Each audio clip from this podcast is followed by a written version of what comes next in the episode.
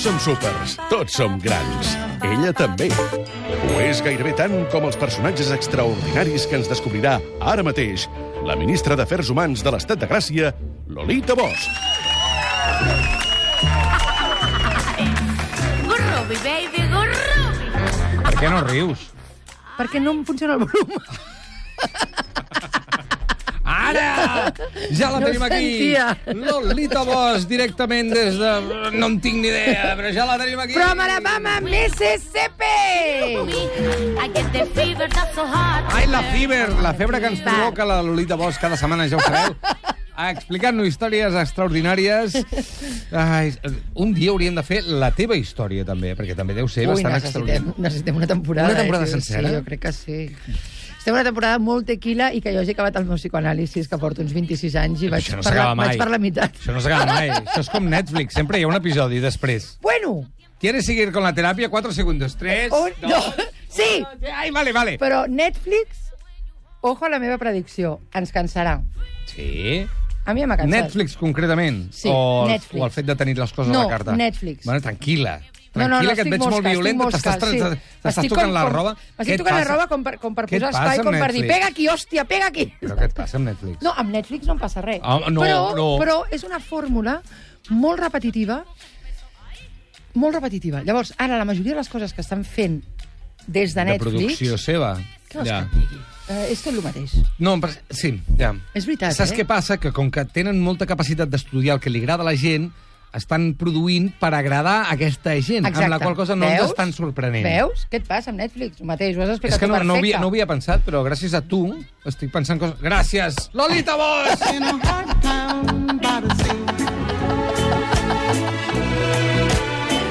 Hòstia, tu deus ballar bé, ara que ho penso. No, jo molt, molt, sí o no? molt, molt, jo molt. Balles, balles, quan vas per Jo, ahí. quan em torno mm, molt boig, ballo, puc ballar moltes hores seguides. A vegades Sí? gens i a vegades eh, I molt. què balles, tipus què? A mi em perd molt aquest ritme. De buen rollito, no? De... Ai, ai. Ta, ta, Una mica contratemps, una mica funky, Sí. una mica reggae. Ai, el soul... sí. I ballaves ska fa uns anys. Sí, ja sí, sí, soc bastant d'això. I llavors la gent diu, ah, mm, Que pots malament parar balla, diu, no, moment? està ballant ska. Exacte. Ai, senyor, escolta'm, aquesta música avui ens serveix eh, per parlar de, de, de la negritud i del Sí. que ha passat, per exemple, o va passar amb un personatge que es diu Emmett Bruce Steele, però clar, podria ser el cas de moltíssima gent, De no? moltíssima gent. Moltíssima gent, és a dir, afroamericans, eh, i en aquest cas estem sentint a Nina Simone amb aquesta cançó fantàstica que es diu Baltimore. La coneixies? Mira, que fort, eh? Perquè no... I'm so sorry, Nina. Però jo anava a dir, és una tia? Sí, bueno, és Hòstia, aquesta veu clar, greu, clar. Simone, Escolta, escolta. Sí, sí, Clara, sí. És una meravella, això. Això és el que jo he dit que em feia pensar en l'esca? Sí, no, és que té Pega'm, el contra... pega'm. No, no, no, té el Pega'm mà, contratemps. pega'm No, no mà. t'equivoques, no t'equivoques. Em pego jo. Té el contratemps. Ah, del tac, tac, tac, tac. Això ho té, això ho té. A Va. mi m'agradava l'esca, també. Sí, home, i tant. A mi m'agrades tu. Emmett Me Listil. gusta la vida, me, gustas tú. Me gusta Lolita, me gustas tu. Va.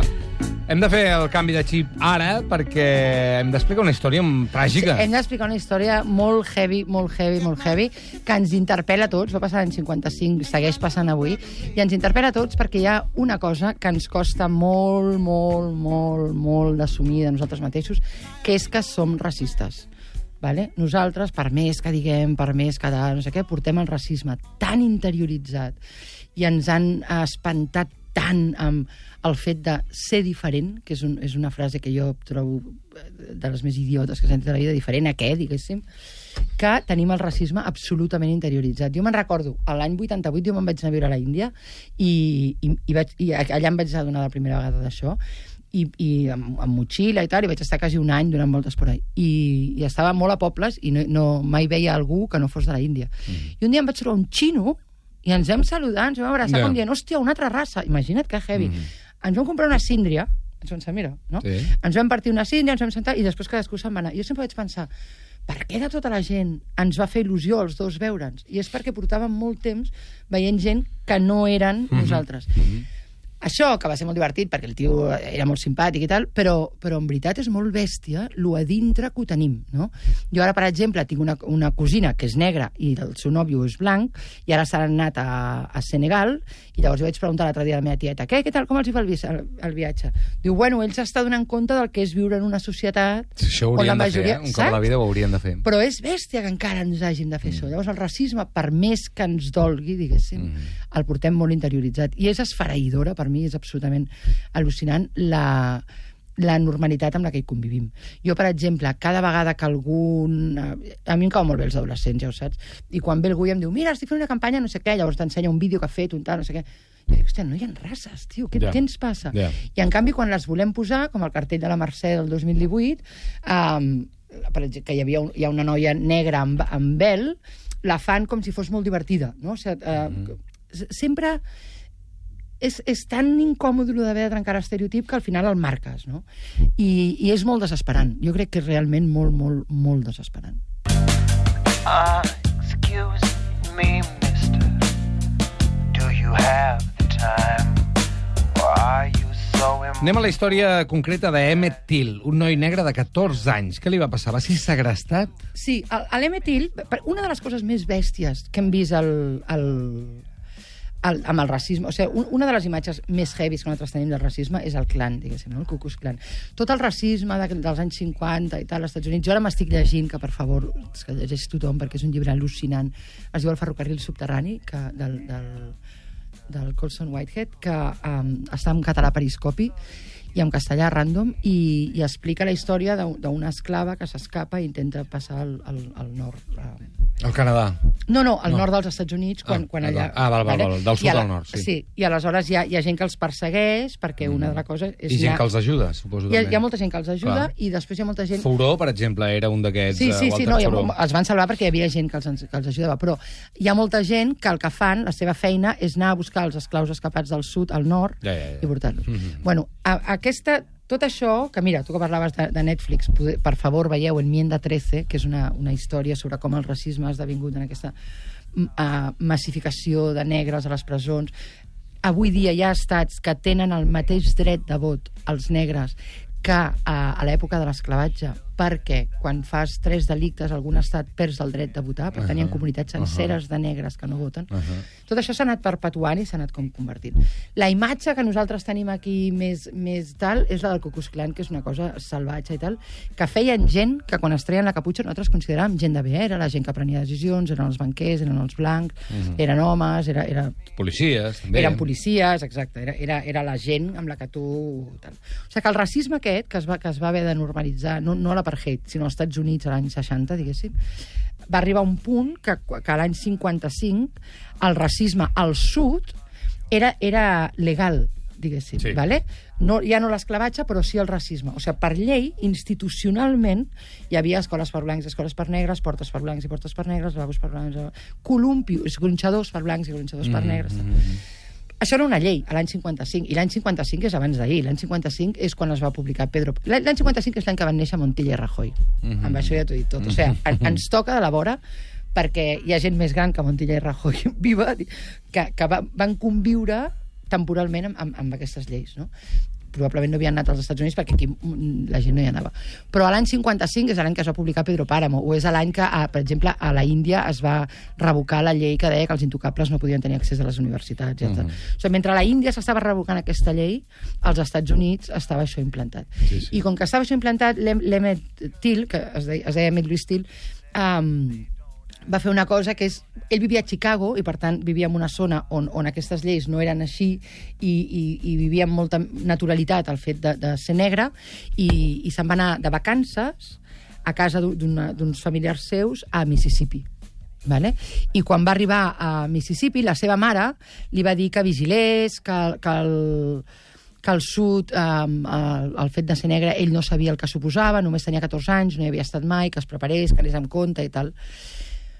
Però el tio tenia 14 anys i va fer la seva vida normal. I un dia estava, estava en una plaça d'un poble parlant amb el, amb el seu cosí i, i uns amics, tots negres, perquè era una societat segregada, i llavors li van preguntar um, que com era ser negre al nord.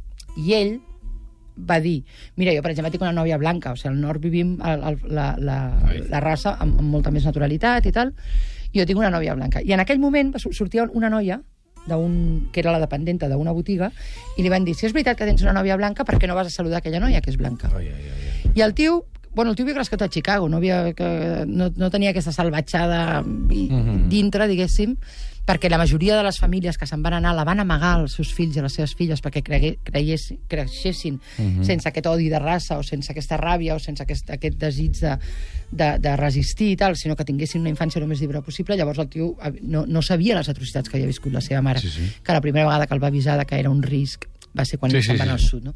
I aleshores li van dir, bueno, pues si tens una nòvia blanca i si és tan fàcil ser negre al, al nord i tal, imagina't eh, el nivell, no? Ah, per què no vas a saludar a aquesta noia? I el tio va anar i la va saludar. Ja està.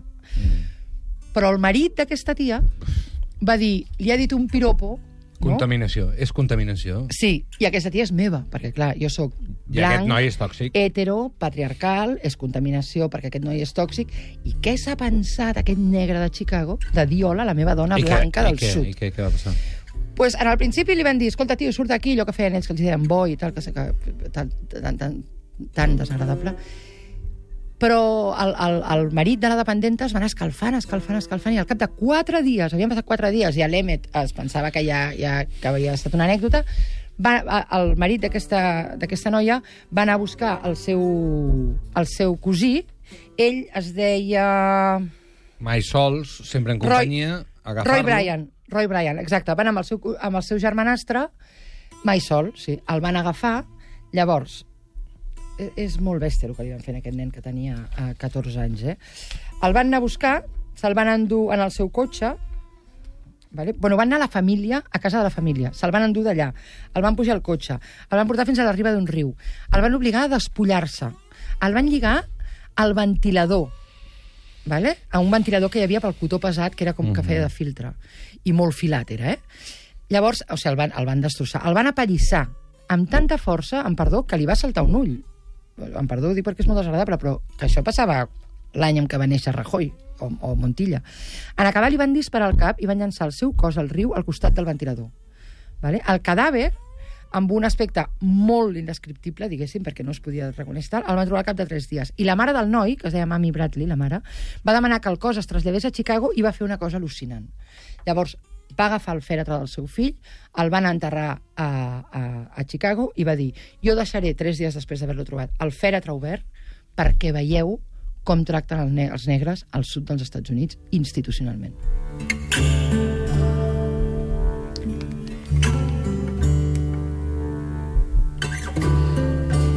I aquestes imatges van provocar una reacció? Clar, aquestes imatges van ser molt bèsties perquè, com, com sempre que té a veure amb el racisme, com sempre que té a veure amb el racisme, tothom feia veure que... Vai, o sigui, tothom vivia com si no hagués passat res, com si... Com si tot, tu, nosaltres sempre vivim com si tot fos normal, no? Que si burses una mica, res mai no tan normal. Llavors, la, la mare va dir, mira, jo amb tot el dolor, això ha de servir per alguna cosa, exposo el, el cadàver del meu fill. Aleshores, una revista afroamericana va prendre fotografies del cadàver i les, i les imatges, que eren esperpèntiques, que eh, no cal que les tuitegem, són, són realment desagradables, es, que es van publicar, els, eh, van generar el primer debat nacional sobre el racisme i van fer que comencés el moviment dels drets civils l'any 55. O sigui, això va ser perquè la mare de l'Emmet Till va dir veureu el que li han fet al meu fill, veureu el que s'ha permès fer en el sud en els nois com el meu fill de 14 anys que viuen a Chicago.